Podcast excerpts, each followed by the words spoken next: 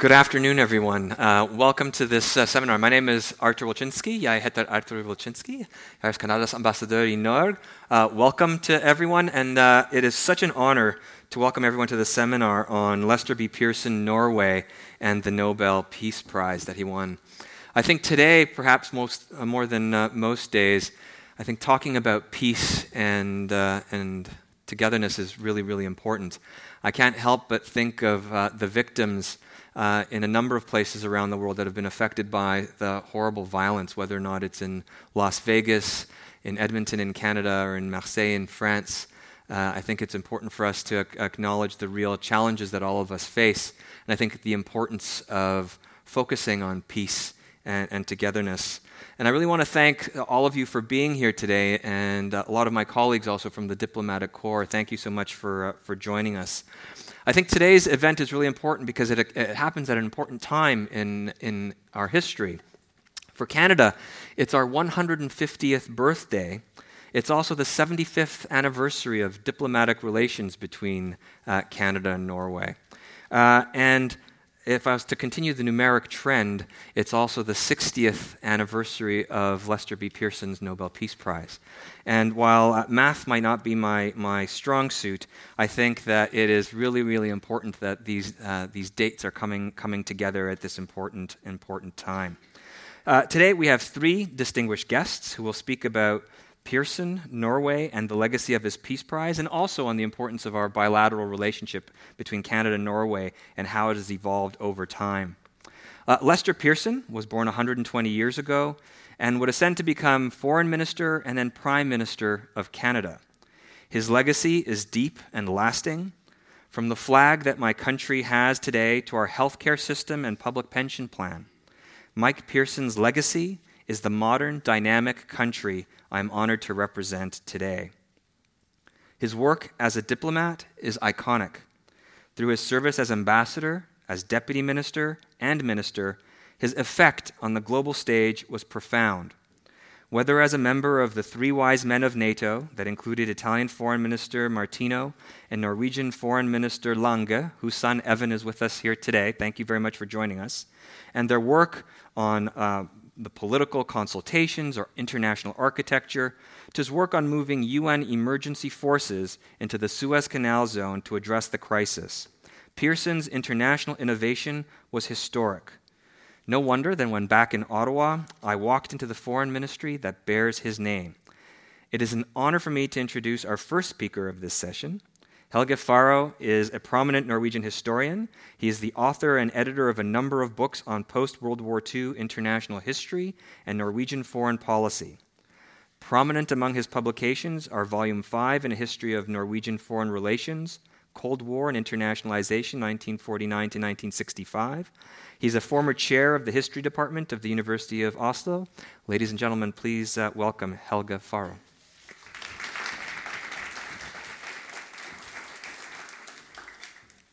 Thank you very much. Thank you for inviting me here. Um, I've actually been interested in the uh, relationship between Norway and Canada for a number of years, starting out with uh, in the late 1960s when my wife almost got a job in Canada, and I asked my supervisor, "What can I do when I go to if I go to Canada?" And said, "Write about Norway, Norway and Canada." Uh, but eventually, she didn't get the job. And then, of course, we did the history of Norwegian foreign relations, where, for time reasons of time constraints and space constraints, there isn't much about Norway and Canada, unfortunately. To a degree, this reflects um, the status of Norwegian historiography. What we have on the relationship is basically a couple of MA theses dealing with the 1950s and a couple of more dealing with the uh, military collaboration in the 70s. And apart from that, it's all about development aid and the like minded states. But fortunately, the two MA theses that, are, that we have with the 1950s deal with important cases of Norwegian Canadian cooperation. Um,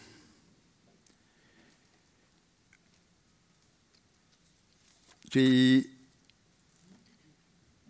longest lasting episode, so to speak, were the efforts to include elements of non military cooperation within NATO. That is, the Committee of Five, established in 1951, delivering its report a year later, and then the so called Wiseman Committee, set up in early 19, in May 1956 and reporting in, uh, at the end of the year. Um, and of Lange and Pearson were both members of, of, both of these committees, and the Wiseman Committee probably the three crucial, the two crucial persons. So we know from the committee how and what, in what they degree they, to what degree they agreed. The other episode that I will deal with briefly is the um, Suez Affair in 1956, which came in between the starting of the work of the three wise men and the writing of the conclusion.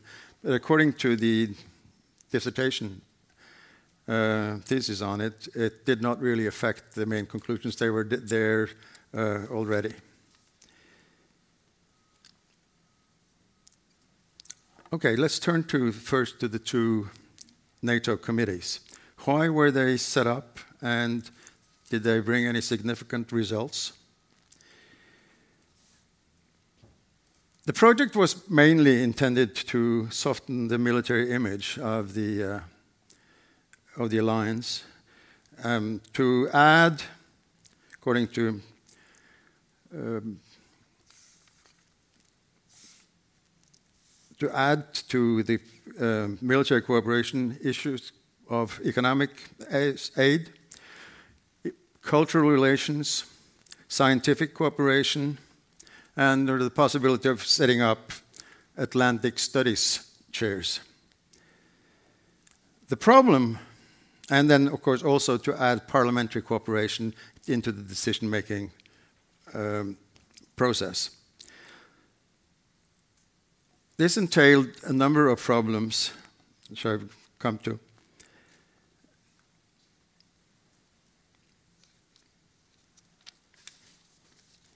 In the sense that while to soften the image of the alliance was important, it was walking into a minefield because of the different interests involved and the problem, so I come to, of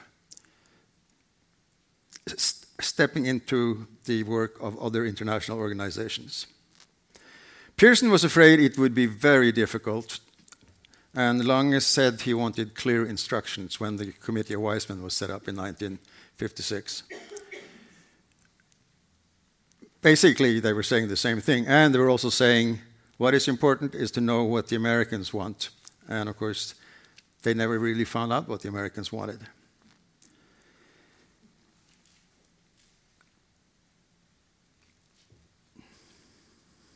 The um, issue, of course, was that the problem was for many of those, for Lange and Pearson and the, all the small state representatives, the um, parliamentary, the inclusion of parliamentary parliamentarians into the processes in NATO might, from one point of view, be useful um, in socializing the parliamentarians into NATO work.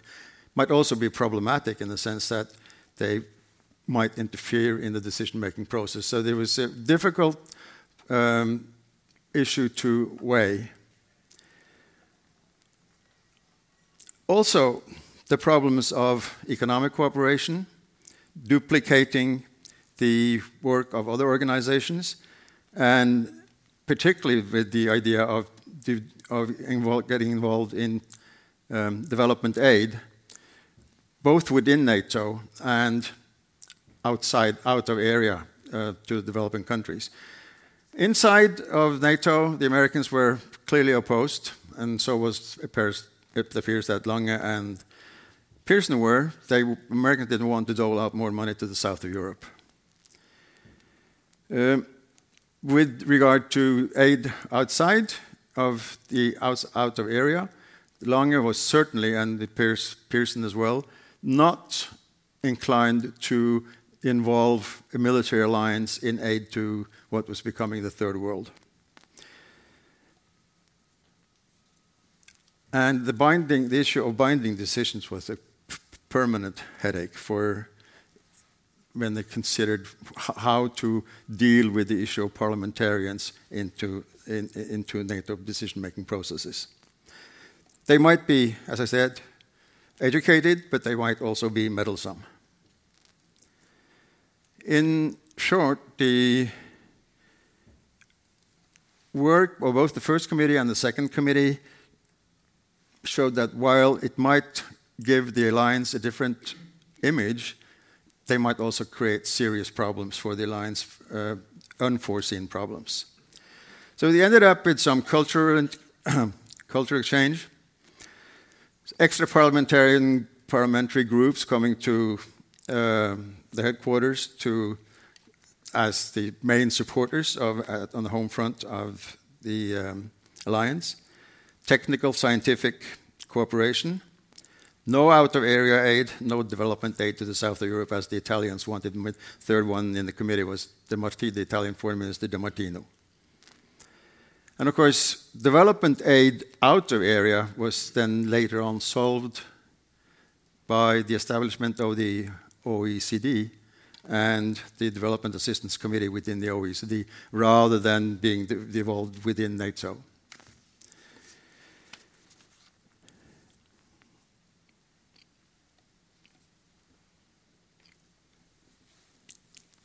I obviously I need have I have at fairly short notice I haven't been to the archives myself, so I, I build this basically on an MA on an MA thesis that discusses the two committees and the Norwegians' relationship with the Americans.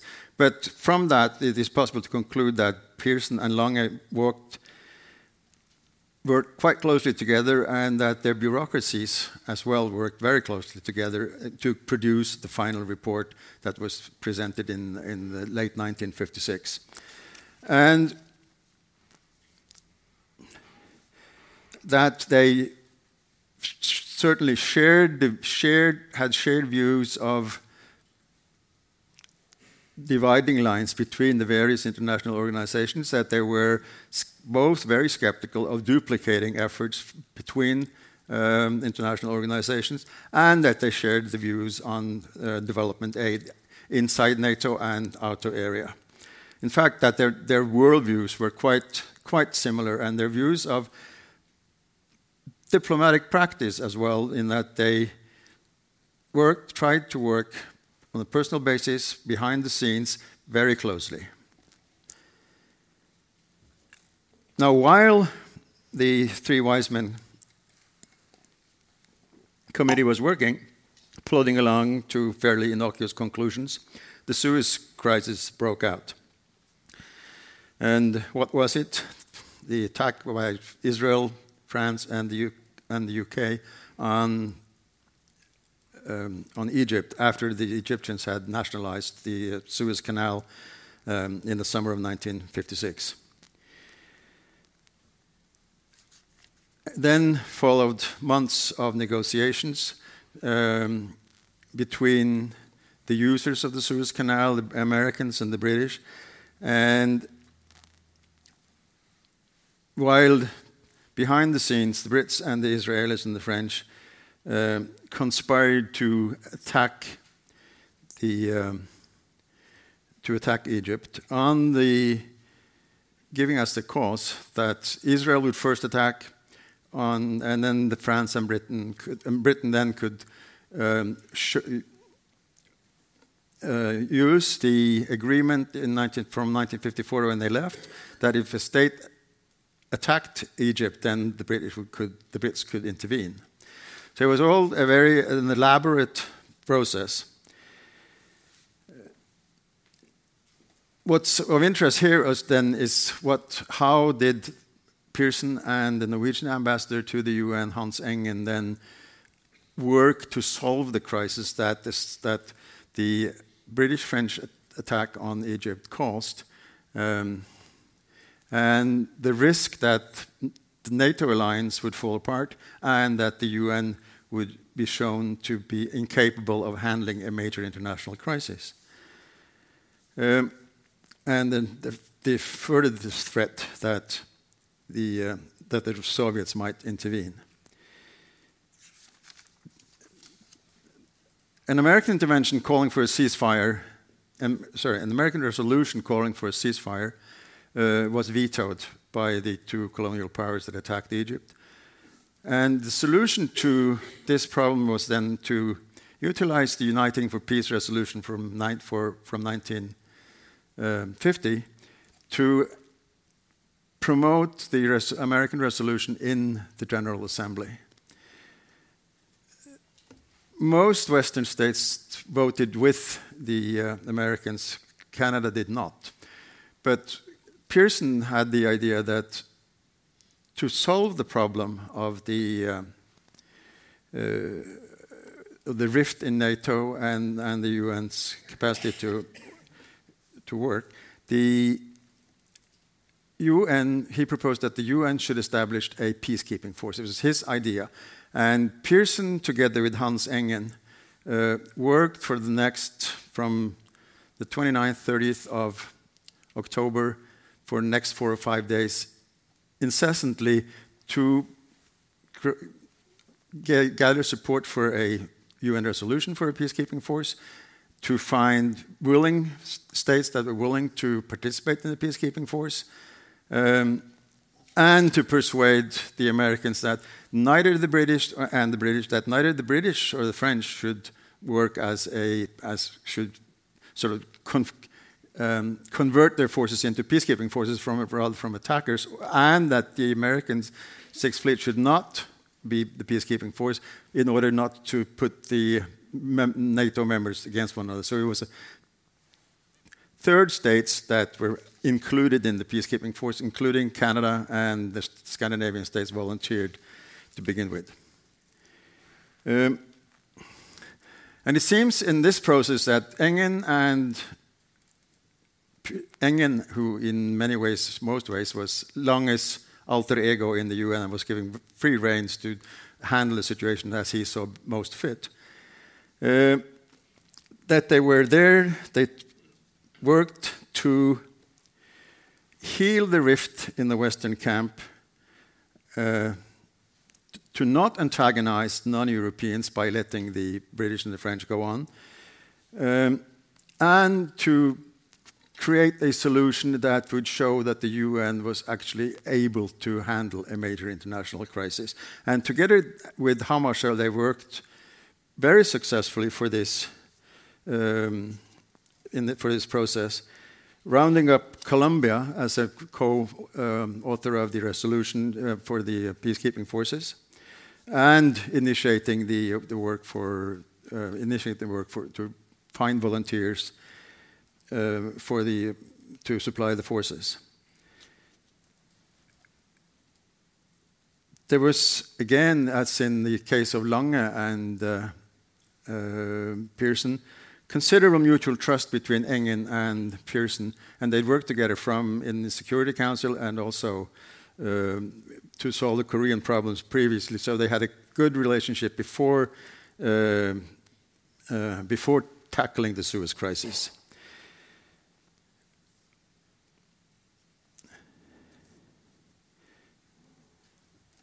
It seems to me, I'm getting fairly close to um, my 15 minutes, seems to me that not only did Engen and Pearson work very closely at the UN to solve the crisis, to set up the peacekeeping forces, um, and to keep Krishna Menon from India away from the uh, discussion as, uh, in, as he was coming to trying to inflame the, uh, the third world nations.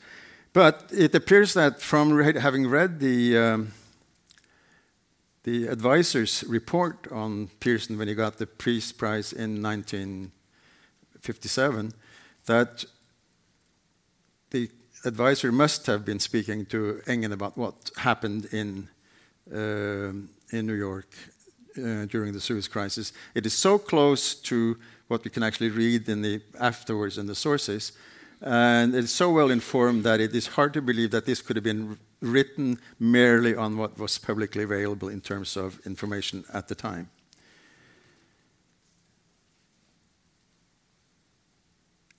The, um, both for the two NATO communities and for the UN, there was a clearly very close and frictionless relationship between Norway and, and Canada on these occasions, and which is probably one reason why there's so little written about it. Um, there were shared worldviews, and there were shared specific views specifically on the role of the UN and on how NATO could handle its internal issue problems and what it could not do in terms of out of area um, engagements. And it, in a way, it foreshadows what the um, we can say the cooperation or similar views within the field of development aid as the uh, uh, characterizes the so-called like-minded states, the Scandinavians, the Canadians, uh, and the Dutch. So, and looking at this, I think that this might actually be a good idea to do a proper article on the relationship between the, the two states. Uh, thank you for your attention. Thank you very much, Professor Farr. Thank you so much for that. I think one of the things that's, uh, that's wonderful about that, it talks about how closely the working relationship is between Canada and Norway and how historic that, that, that relationship is. And in fact, it, it, gives me uh, inspiration about how Canada and Norway can, can work even more closely together in various uh, fora, including uh, NATO and uh, the UN. I'm really pleased to acknowledge the presence in the audience of a good friend and colleague, our ambassador uh, to NATO, uh, Kerry Buck. Uh, thank you so much, Kerry, for, for, for being here as well. And I also like to take this opportunity to introduce our, our, our next speaker, Rune Resaland, the, the Director General for Security Policy in the High North. He has served in Washington, Madrid, Berlin, and has lived in Moscow. He has also served as head of the Ministry of Foreign Affairs Treaty Section and head of the International Department at the Stortinget. And uh, Mr. Resaland, please join us. Thank you. Thank you. Thank you, Thank you so. Ambassador, uh, Mr. Pearson, Mr. Pharo, uh, ladies and gentlemen. Um, thank you, Ambassador, for uh, inviting me and for allowing me to say a few words on this uh, very special occasion to celebrate the events or the anniversaries uh, as has already been mentioned. Firstly, the 60th anniversary of Lester B. Pearson being awarded the Nobel Peace Prize in 1957. Secondly, the uh, 75 years of diplomatic ties between Norway and Canada. And not least, um, the 150th anniversary of Canada's self governance or independence. I don't know what you would call it. Uh, yeah, something like that. So happy birthday, anyway, Canada. Um, I will uh, be very brief on the uh, anniversary on the Nobel Peace uh, Prize. Uh, Professor Pharo has uh, already introduced us to that that event and the reasons for um, the prize being awarded to Mr. Pearson. He won the prize for his role um, um, in the resolution of the Suez uh, crisis, his invaluable engagement and contribution to that uh, crisis. I think the uh, Nobel Peace Committee argued that this was he saved the world by his actions. Um, so that was extremely important work done by Mr. Pearson. Um, Mr. Pearson once uh, said, I'm told, the grim fact is that we prepare for war like precocious giants and for peace like retarded pygmies. Um, even if these words uh, were expressed during a tense Cold War period, and much has changed since then, the underlying essence of these words seems as relevant today as uh, 60 years ago. We should always strive for peaceful resolution uh, to international challenges, and I think that's a basic element in both Canada's and uh, Norwegian foreign policy. Now, some words about the establishment of the formal ties, uh, diplomatic ties between Norway and Canada, and the development of our uh, relations. Norway gained its full independence and established its foreign service in 1905. Canada was among the first states uh, where we uh, established a consular mission an honorary consulate was established in Montreal already a couple of months after the independence in 1906. And formal diplomatic ties were established in 1942, as I mentioned. World War II brought Norway and Canada closer together. Um, in Muskoka, uh, thousands of Norwegian Air Force personnel were trained, and strong human and, and also political military bonds between our nations uh, were created. And Canada's support during uh, World War II, uh, as well as during the Cold War period, strengthened our bilateral uh, relationship. Um, strong personal ties uh, also contributed to this relationship. Many Norwegians emigrated to Canada, have emigrated to Canada over the past uh, two centuries. Uh, and I'm told that uh, today more than 400,000 people in uh, um, Canada claim Norwegian descent. There are many similarities between our uh, countries. we are northern countries. We have relatively small population, scattered uh, population. Uh, we enjoy uh, abundant uh, natural resources.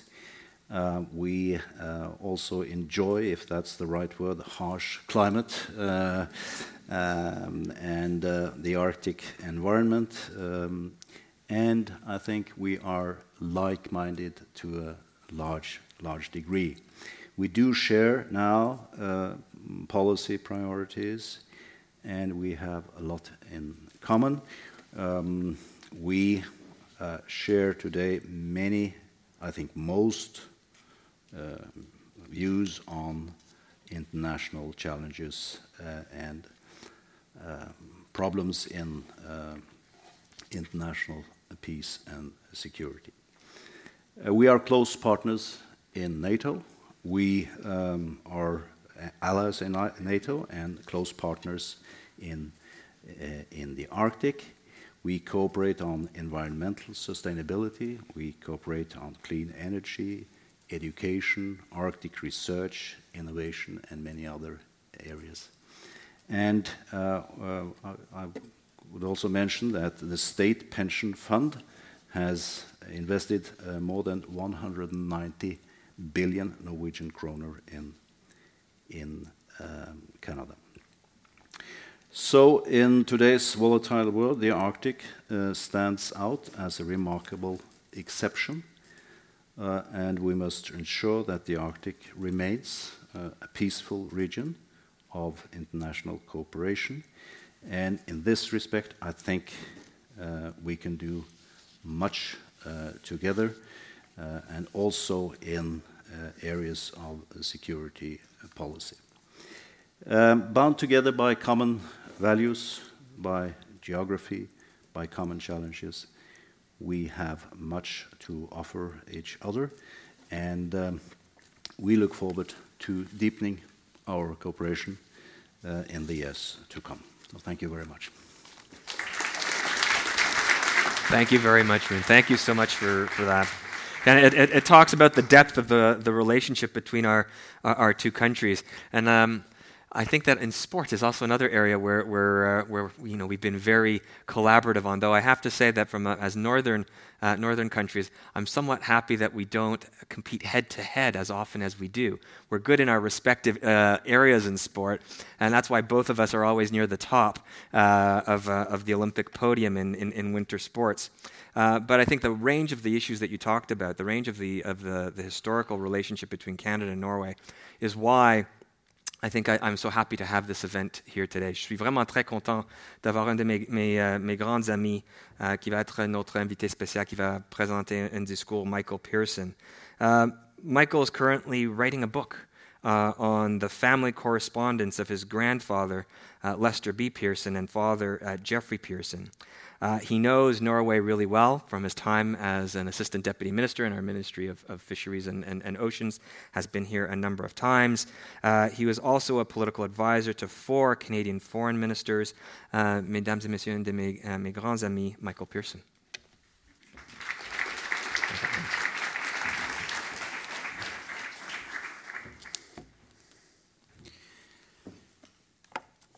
Merci, euh, Monsieur l'Ambassadeur. Uh, I'm very happy to be here, Artur, and thank you for inviting me and my spouse, Kerry Buck, who is actually a much more important person than me right now. She's our ambassador to NATO. So I, it's a bit like my relationship with my grandfather. Um, um, people, when I meet people and they say to me, um, "Oh, gee, you're Lester Pearson's grandson," and they're all excited about it, and I have to often respond, "Well, it's kind of reflected glory, really." I mean, he did it all. I didn't do much. Um, but one thing you do get um, when you're a descendant of a, a well known person um, are inherited gifts. So I have, for example, on my wrist uh, a watch that was given to my grandfather at the 100th anniversary of Canada, 1967. Only six of these watches have ever been made. So my father got it, and then uh, I got it from my father. So that was kind of fun to be able to get that. And even more fun for the, for this event is I inherited the box, which in, within which the Nobel Peace Prize um, was contained, and when my grandfather was first given to it. Unfortunately, I don't have the medal itself, but uh, that exists in uh, a museum, one of the major museums of Canada. But it's very nice to be able to, uh, to get these little gifts. Um, I'll leave that right here just so people can admire it uh, for a bit and make sure, yeah, I don't forget it. My mother would not be pleased. Um, so, as I said, I'm very, very happy to be here. Um, I do have, as Artur said, uh, some experience with uh, Norway on the fisheries front. Uh, Canada and Norway are both uh, important fisheries countries uh, important industry to both our countries. Uh, the Norwegian fisheries negotiators, to their credit, um, have a very strong conservation uh, orientation to their approach to international fisheries negotiations. Um, probably better than Canada's, I have to admit. Uh, we have a more diverse clientele, shall we say, when it comes to the fisheries sector.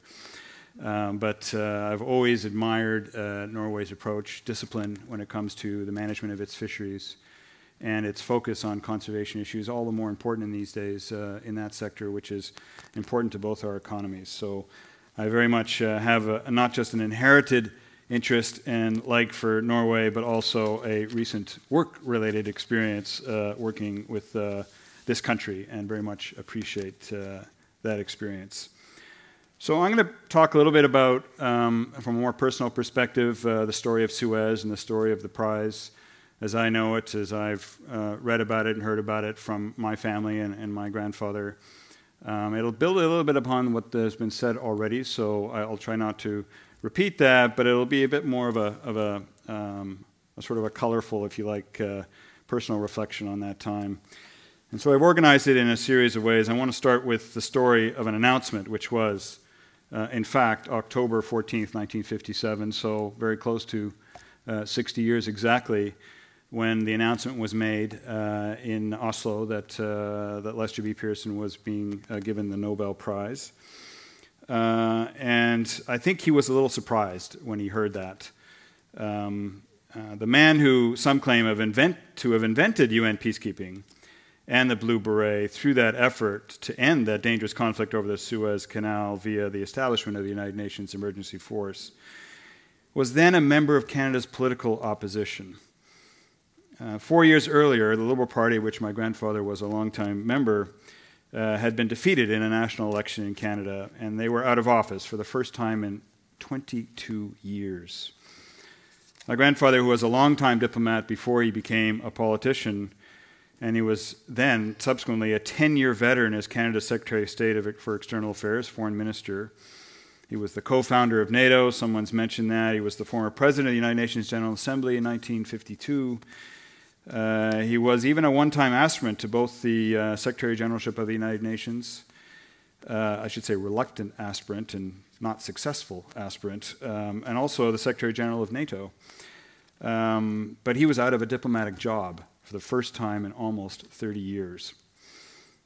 He said his wife complained that he was hanging around the house too much and useless at completing household chores.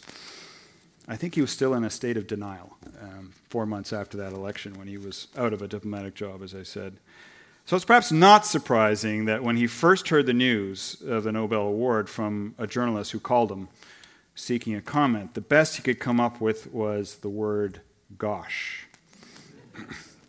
I think the disappointed journalist may have hoped that he had provided a quote which may have been closer to what he had been thinking, my grandfather, that is, had been thinking at the time. Thank God someone still remembers me.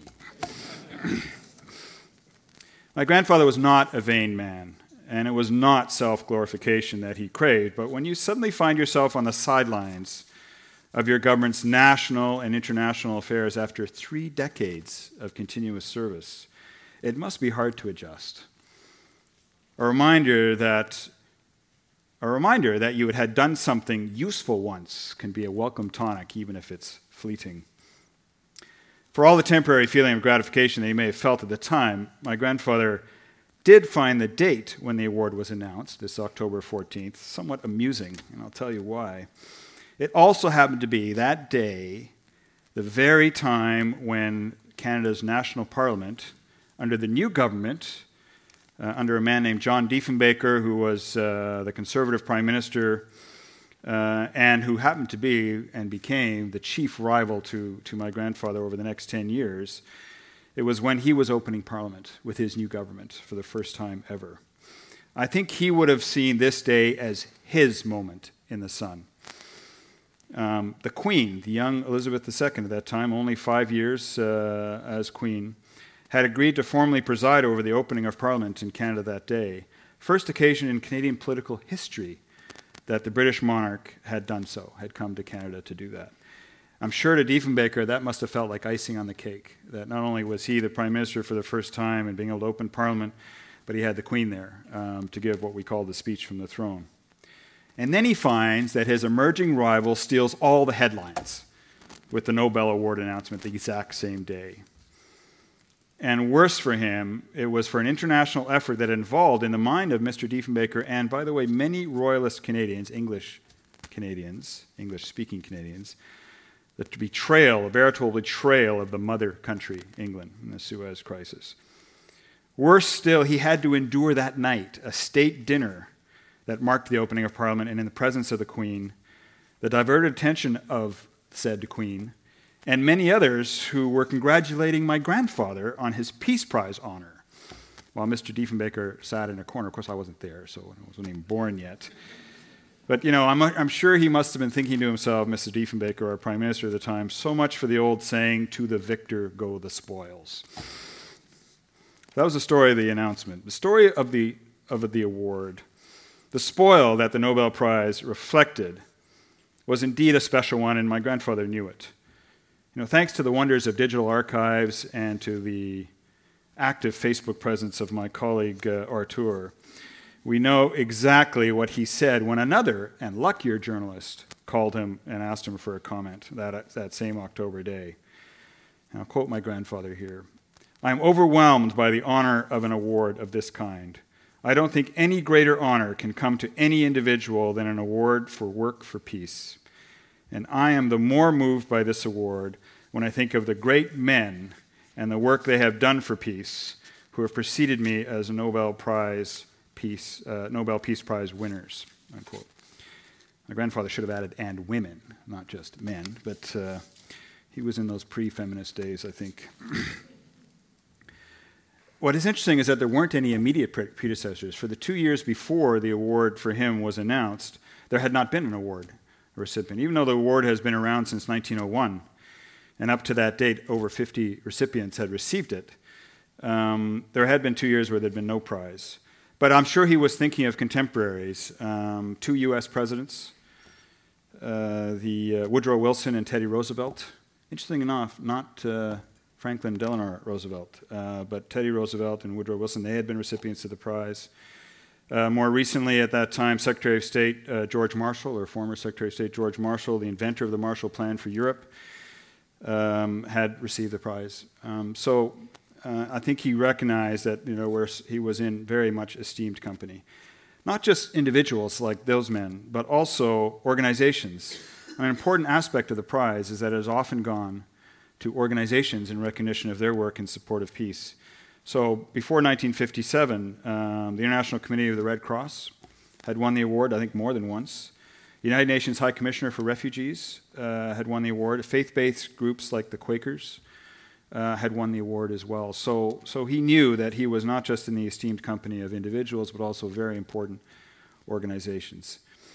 Uh, I think he would also have been particularly pleased to be in the same category as Norwegian Christian Lange, uh, who won the award in 1921 and whose grandson uh, is here today. Uh, I think one of the reasons my grandfather was particularly pleased by that was that, as has been already said, um, uh, Christian's son, Halvard Lange, was a good friend uh, of my grandfather's and was his fellow foreign minister, uh, foreign minister of Norway for I think almost 20 years. So my grandfather was foreign minister for 10 years, and Mr. Lange was uh, twice that long. They had worked together on many issues over the years. Uh, we've already mentioned, uh, it's already been mentioned, they were two of the three NATO wise men, producing a report, a value report on the future of, uh, of an organization, NATO at that time, which was only about uh, seven years old. He referred to Lange in his memoirs as, quote, one of the best and wisest of Europeans whom I've met, unquote. That wasn't a reference only to their NATO collaboration but also to their broader and lengthy relationships, given both were lucky enough to be longtime foreign ministers. And I think the comment that was made about uh, Hans Engen in, in, in, New York and the alter ego to Lange was very important when my grandfather was working in, in New York uh, during the Suez crisis because he knew that the day to day person that he was talking to in New York also reflected the views of his good friend, uh, the foreign minister of Norway. I think they had similar outlooks and maybe even the same sense of humor. We think, I think, it's speculation that Lange may have likely appreciated my grandfather's description of the three wise men. Quote, Some are born wise, some achieve wisdom, and some, I fear, have wisdom thrust upon them. We three seem to be in the last and most dangerous category. Norway and Canada are good at doing dangerous things together, I would say. One of those dangers faced involved Norway's um, jointly owned airline, SAS.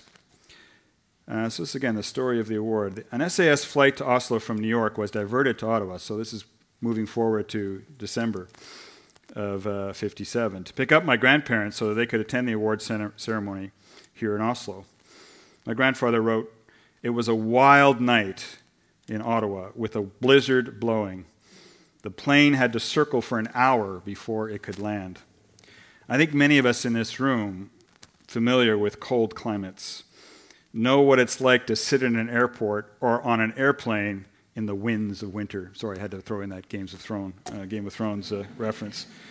Hoping for salvation. the plane did manage to take off around midnight, and my grandfather recalled the special service that they and all the passengers received from the, the crew of the, uh, of the airplane. They started serving, my grandfather said, this very deluxe, unprecedented seven course Nobel Peace Prize dinner. We were almost to Norway by the time we got through the last course. so I don't know if every Nobel Prize winner gets that kind of service on their way to the.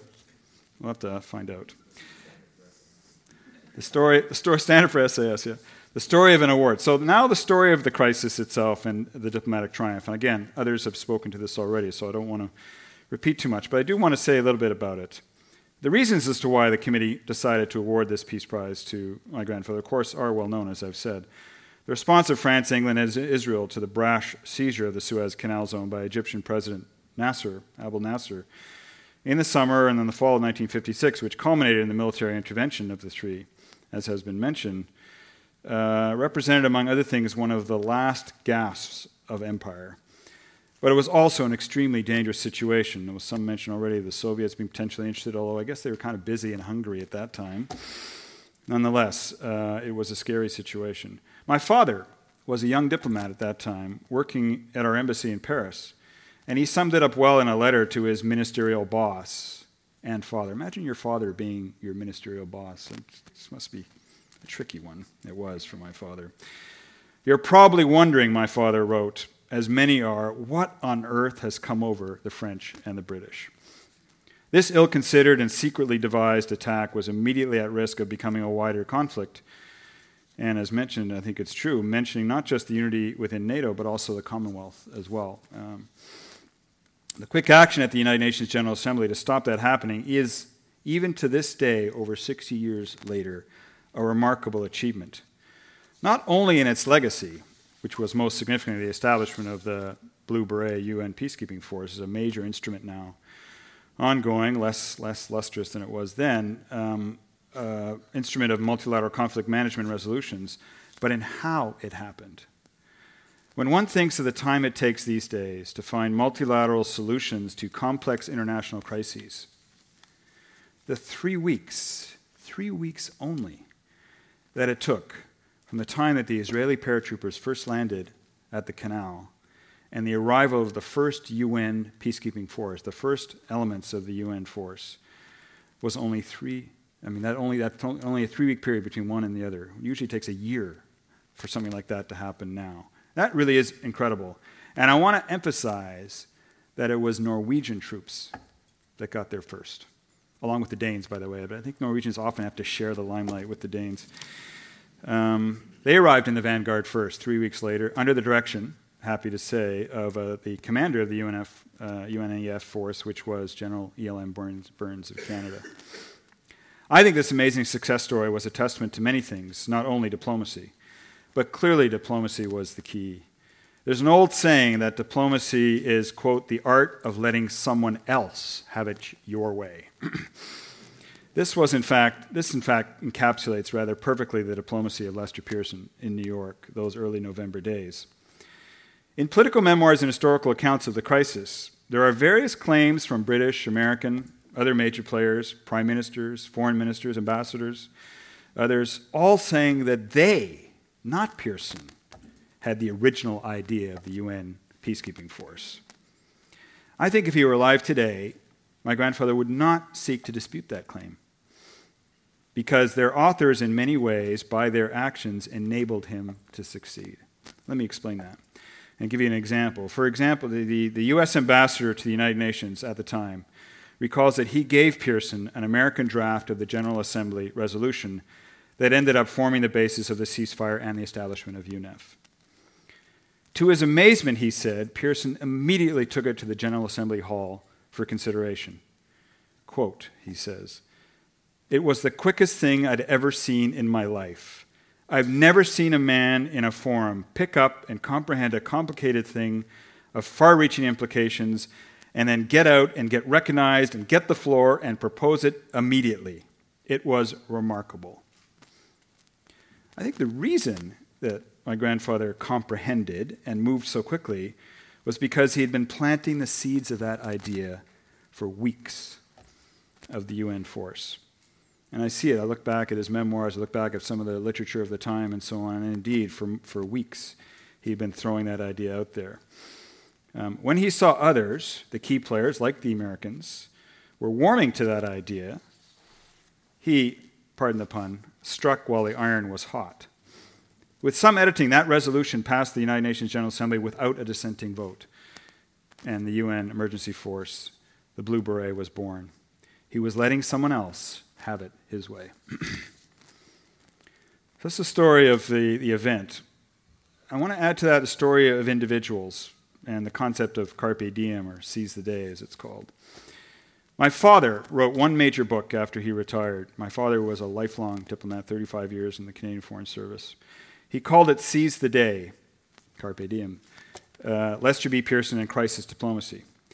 It included the Suez story, and described his father's, my grandfather's, great sense of timing and good fortune.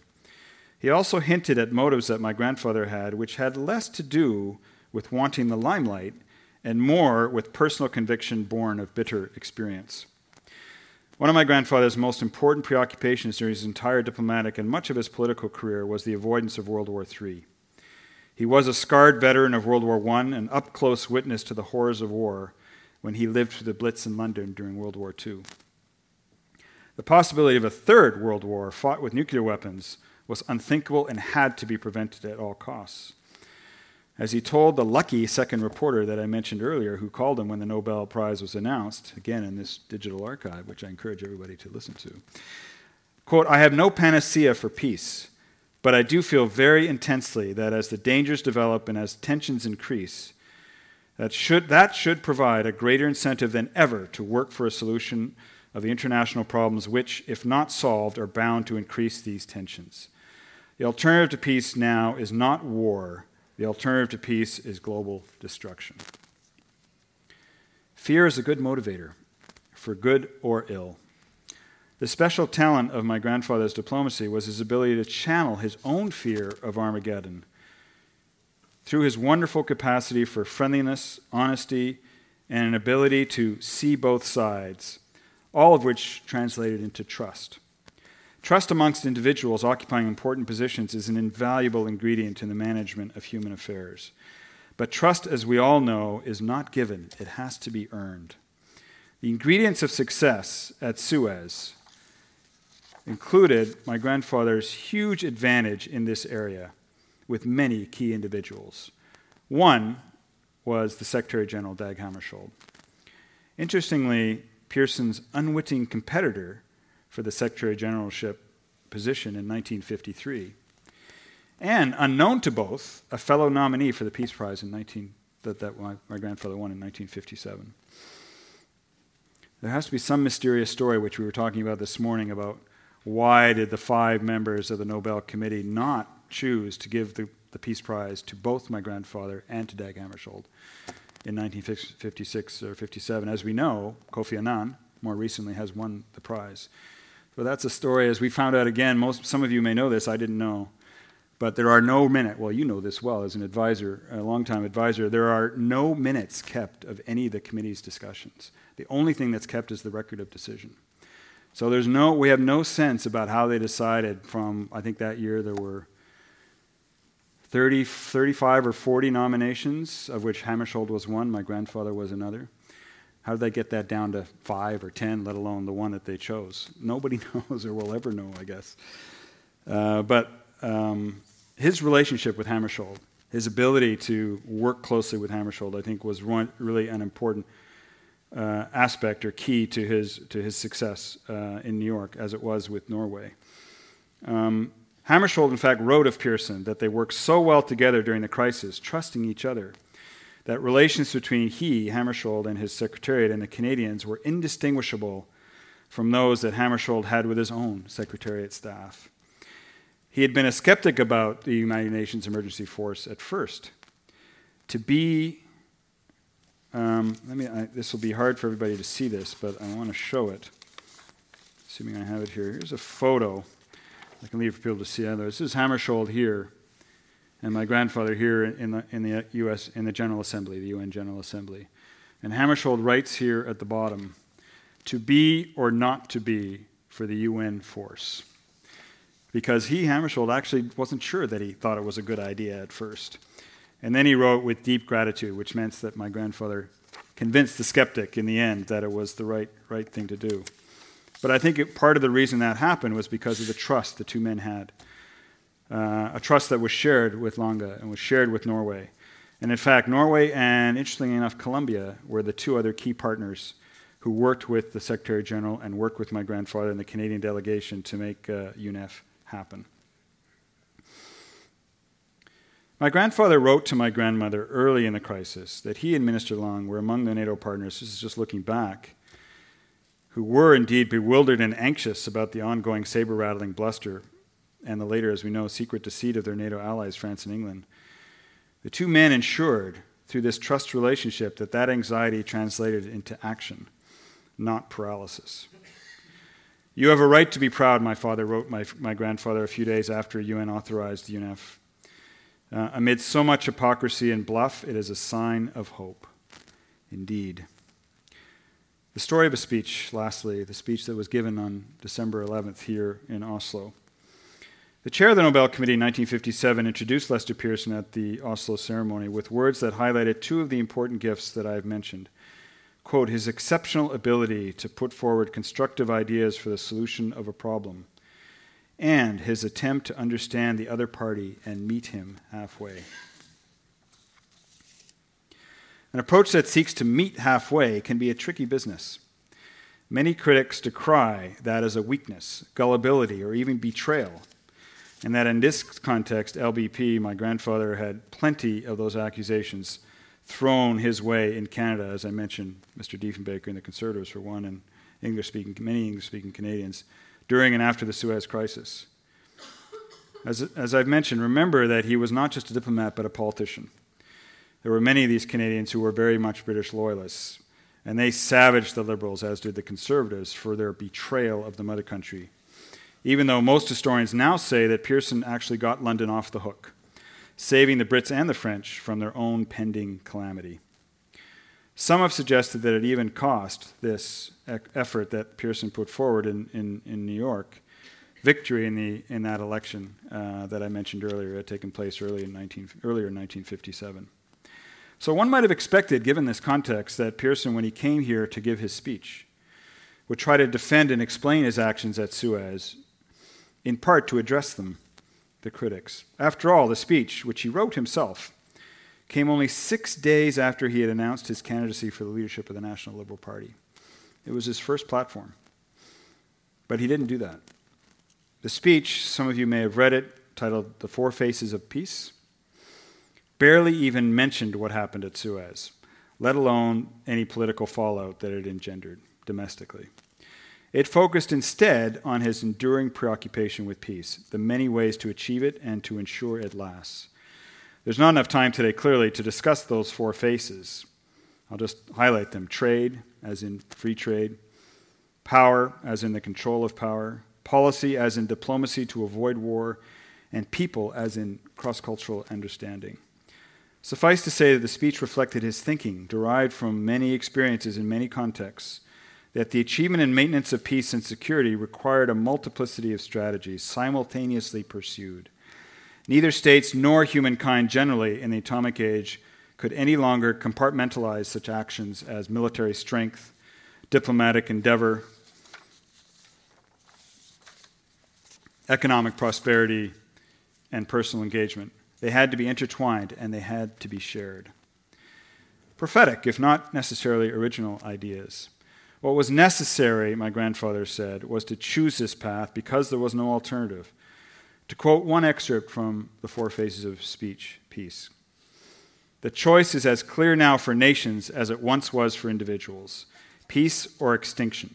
The life of states cannot, any more than the life of individuals, be conditioned by the force and the will of a unit, however powerful, but by the consensus of a group, which must one day include all states.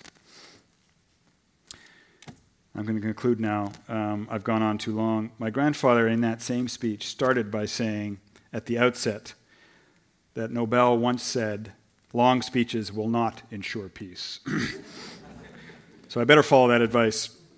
Um, but let me conclude with one other brief little story. Five weeks after I was born, in 19, April 1959, I received my first book. It was written by my grandfather, and he inscribed it with To Michael Bowles Pearson, with love from the grand paternal author.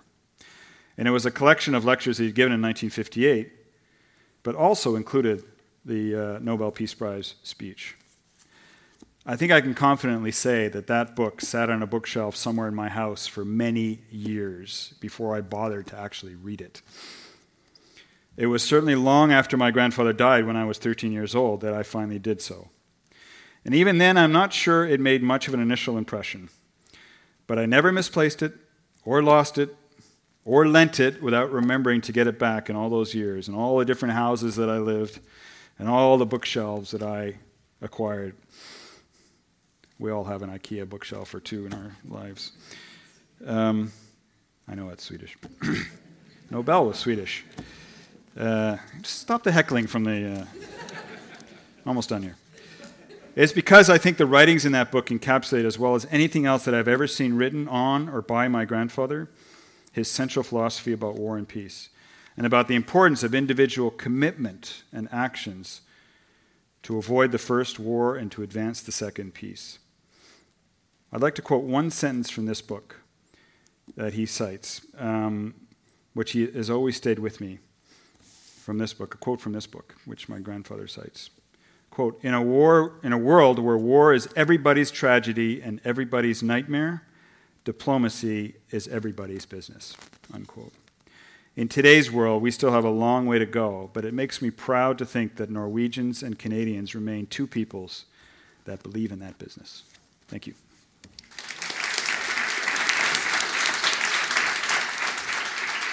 Thank you very much, Michael. Thank you so much for that. So uh, before I open uh, the uh, the floor to questions for the two of you, maybe I'll, I'll take the chair's prerogative and, and, and ask one um, myself. Uh, one of the things that, that both of you spoke about was the cooperation between Lange and, and, and, Pearson. Uh, you talked about the, you know, sort of the values that we have in, in, in common as, as, as, Canada and, and Norway. And one of the things that was remarkable about that time was the innovation that the two of them brought to the international system. If, uh, if they were here today, looking at the constellation of, of issues that we as the global community uh, face, um, how do you think that they would, would react? Uh, would, uh, would the international community give people like them the space that they need to be as innovative and as creative in solving global challenges as the system was back in the 1950s? Feel free to answer that. Uh, tall order. Um, probably not. I mean, they, uh, their system was. I mean, they were in the still at the formative phase of the both in terms of NATO and in terms of uh, of the UN, and they both had the ability, and they were still allowed to work behind the scenes. And I think that they they they were they were not constantly exposed to questions and criticism uh, into the public sphere. So, the, and I think that that has changed quite considerably. So I, I, think it would be significantly more difficult today to achieve what what they managed. And the situation now was still somewhat malleable. Mm. Um, how they would. I mean, like would they there were, there were. I mean, there weren't. There, there weren't. Well, you know, given a few exceptions. There weren't all that many nutcases around.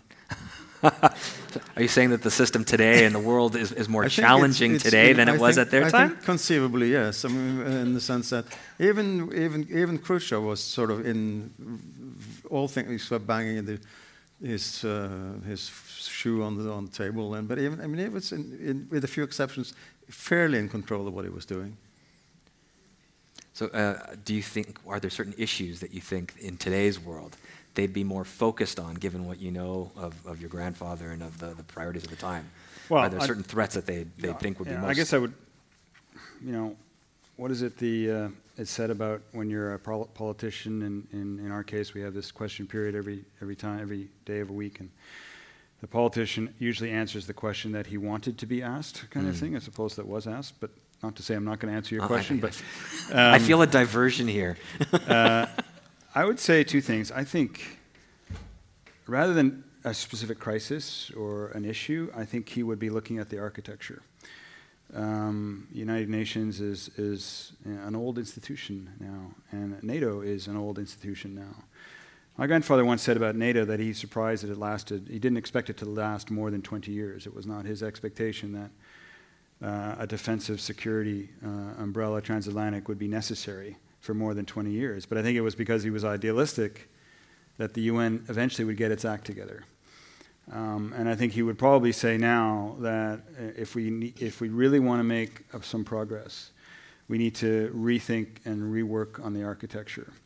Uh, lots of debate over many years has taken place about the United Nations Security Council, for example, and the use of the veto many UN reform efforts on that and other, other things. I think he would say we should try to prioritize that a bit more to try to make some progress with that institution, that part of the UN. Also, probably to say that more effort as I think both Norway and Canada do, should be put into the UN agencies and the work that they can do.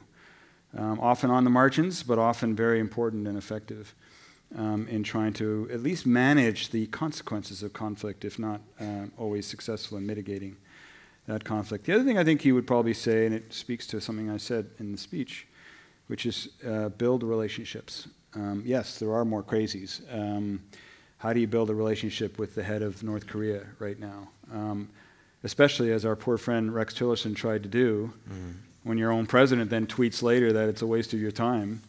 Uh, that's a problem. But, but I think uh, the idea of building trust between individuals, decision makers, amongst decision makers, can make a huge difference in the in ability for decisions or, or for them to agree on how to resolve uh, a conflict as opposed to um, continuing to distrust each other and therefore act as if the other is, is out to get them. So. Would, would he look back at, from today at the UN and be surprised that it's still there, or would, be, or would he be happy that it's still an institution that, that, that is existing? Would, it be, would he see it fondly, or would he be looking at it with some level of No, I, I think he would see it fondly. I would think, you know, his occupation I mentioned was peace and war, and the institutions of the United Nations, particularly the Security Council, that were primarily responsible for trying to manage peace, and international peace and security, um, would be something he would hope would have been better, as I said, but I think he would have been pleased to see that the UN has expanded in all of its activities and, and, and, and, uh, and roles. Of course, he was involved himself, for example, from 1943, 1944 onward in the establishment of the FAO, mm. um, which itself plays an important role in managing uh, famine and nutrition issues around the world. Not necessarily always successfully, but, but uh, it's those institutions, the existence and continuing existence of those institutions all UN, so many of them UN uh, agencies, which I think he would say was a great thing. And thank God that we have them, you know, High Commissioner for Refugees being another example, organizations which have um, a capacity to deal with the consequences of conflict. The key thing he probably would add would be that states need to support those organizations. Those, uh, he always said that you never forget that the UN is not an independent or entity. It is a collection of members of states, and they have to be prepared to come together to surrender some of their sovereignty in order to allow the broader organization to be successful in achieving its goals. Uh, and that's a very difficult thing, an ongoing difficult thing to do, but what one thing organizations or countries, I say states, can do, Norway particularly able to do this, um, is provide funding and support, financial support. Not just financial support, but institutional, structural support how to run an organization and manage it is just as important as providing money to it. And I think that is where he would say that states need to step up more. Okay. I think also they, that they might both agree, he and Lange, that um, there's a possibly a wee bit too much, too much duplication out there. Perhaps. Yeah. So uh, maybe I could turn to members of the audience. Uh, does anybody have uh, any questions, comments? There's a microphone uh, that's circulating? I'm having a hard time seeing. No? Oh, there's one. Yeah. Thanks. Is that Karen? Hi. Yeah, Hi. It's All right. Karen. Um, uh, thanks for two great talks. It was really interesting. Uh, one of the things that I was thinking about is the idea of um, these events sort of passing out of living men- memory. So the idea that you have this connection where your father was telling stories that his father told you about the idea of how it's an impossibility to have World War III, and we mm. basically have to do everything in our power. That peace is the only option at this point, right? Mm. And that the memories of World War II were very, played a really big role in this fear that your grandfather had. I'm wondering what you think about today. If you think um, or what your thoughts are on whether or not this is passing out of living memory and why we need to keep um, this alive so that we do fund these organizations and we do prioritize things like the UN and all of these very um, important institutions that came out of that fear from 1945. That's a good question. Thank you. Um, I have three daughters, late 20s, early 30s. I started early in life, I have to admit. Um, and I often ask myself what interests them, what motivates them on issues like this. Uh, they are involved in issues uh, that are some, some in business. Some, one, one of my daughters is a midwife. Uh, you know, not related to war and peace, but it is related to human interaction and the importance of uh, relating to others and understanding others who might otherwise be strangers uh, to you. Um, they are incredibly well informed, and I think millennials generally never read newspapers. Um, I think my daughter used to get The Economist, maybe she still does, but she was one of the few people at that age who ever looked at The Economist. But they all read online, and they're all aware of what's happening. So maybe World War II is passing out of living memory a little bit. I think there is certainly a lot of work that gets done. Um, 100th anniversary of World War I these years. Uh, a lot of work is still done to try to get people to remember that time and uh, a major conflagration like World War II as well. But perhaps it is the awareness, unlike those times, that the general public has about what's going on in the world, which may be uh, its own motivating factor. I don't know. Maybe I'm just being the, the hopeless idealist that some, some people called my grandfather, but, but I think behind every idealism is, is a sense of how to turn that into practical action. And if uh, I'm not saying that our generation is hopeless, let's, let's, let's not write ourselves off here, but uh, um, I do think our children's generation um, is going to be the most important in being able to um, think about recent memory or focus on recent memory and the challenges that are being faced today to motivate uh, action or for support for action. It's a bit of a thin edged sword, isn't it? Because you know you have that hopeful motivation on the one hand, but you have the sort of well, there's nothing I can do about it, and I might as well just not bother uh, on the other side. The difference, though, between you know my grandfather's generation, my father's generation, and our generation and our children's generation is that we're much more aware wherever we live uh, about what's going on, and maybe that has its own motivation. Um, we have another question over here. Just picking up on that very good question, I thought. Yes, they watch the internet and they get all kinds of news 24 7. And Artur listed a few of the things they can see daily. We have Korea that could go all over the place. And they, they get their fare refreshed every day. Um, and I think that makes a bigger impression because these are places sometimes they've been, sometimes they know people there. But the other good thing about the internet is that they can, can also connect. They can get stronger together. That's right. So I think that is a tool that would have been great in your grandfather's time also. So Very let's so. hope that um, it doesn't only spread fear, but also brings connections. Absolutely true. Thank you. Thanks, Karen. I think uh, we've got one more question over here. Ramona? Thank you very much um, for an interesting uh, afternoon. I'm the previous uh, Norwegian ambassador to Canada, and during my almost four years in Ottawa, I was actually thinking a lot about bo- what both of you have been touching largely upon the like mindedness. Uh, I got the feeling while you were speaking that we heard from another time where like mindedness, also in the UN, was more or less automatic. Hmm. It relied on Western values, it relied on the common thinking of the post war generation in Europe and North America. Would these deals have been possible at all in today's UN, hmm. where the like mindedness is not automatic and is something that we work on as diplomats bilaterally, day by day, but where we have challenges all the time when we talk about the global initiatives? Let me make a quick comment about that. Um, that, in fact, goes back to the crisis in 1956.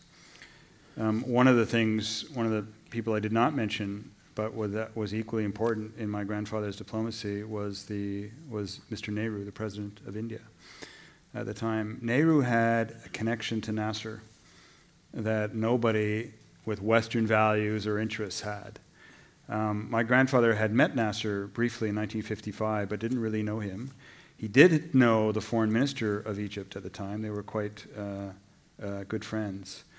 But he knew that the success of getting Nasser to agree to um, allowing the uh, UN force to move into Egyptian territory was what he was hearing from, in, uh, from Nehru in India.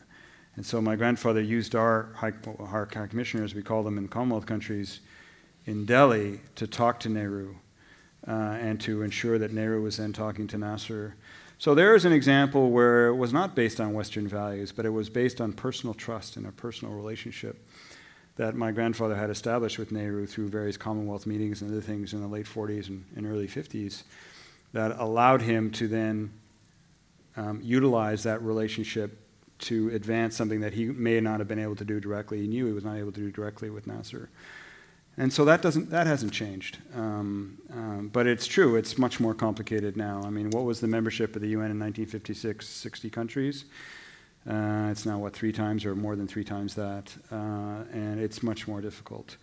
Uh, so I think that, that it, it, it, it, has changed, but it, it hasn't changed. And the other thing, just to pick up on the last question, is the, the networking of non governmental organizations, the importance that they can play. That would be the other thing that my grandfather would probably say. I said earlier that he liked the fact that the ICRC and UNHCR, I mean, multilateral organizations, or in that one case, an NGO, was playing had an important role to play. I think he would say they increasingly have that role, not just in picking up the pieces or dealing with the consequences, but also engendering um, solutions.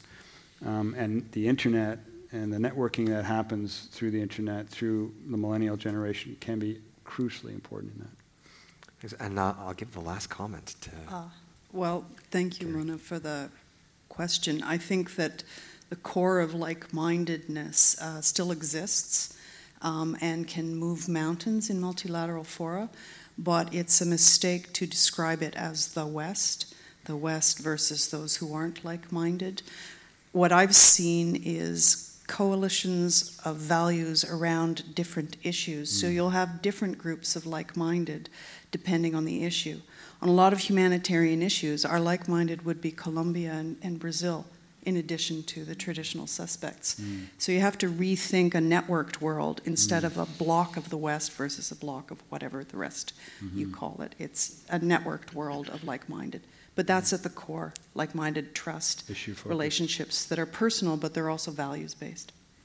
And I, I, think just to end on, you're, you're talking about uh, being positive, maybe being naive, but optimistic. I think that I, am also very optimistic in some ways. We've found consensus on some really key key, difficult issues, on ones that I know, for example, that you're very passionate about, like the environment, like climate.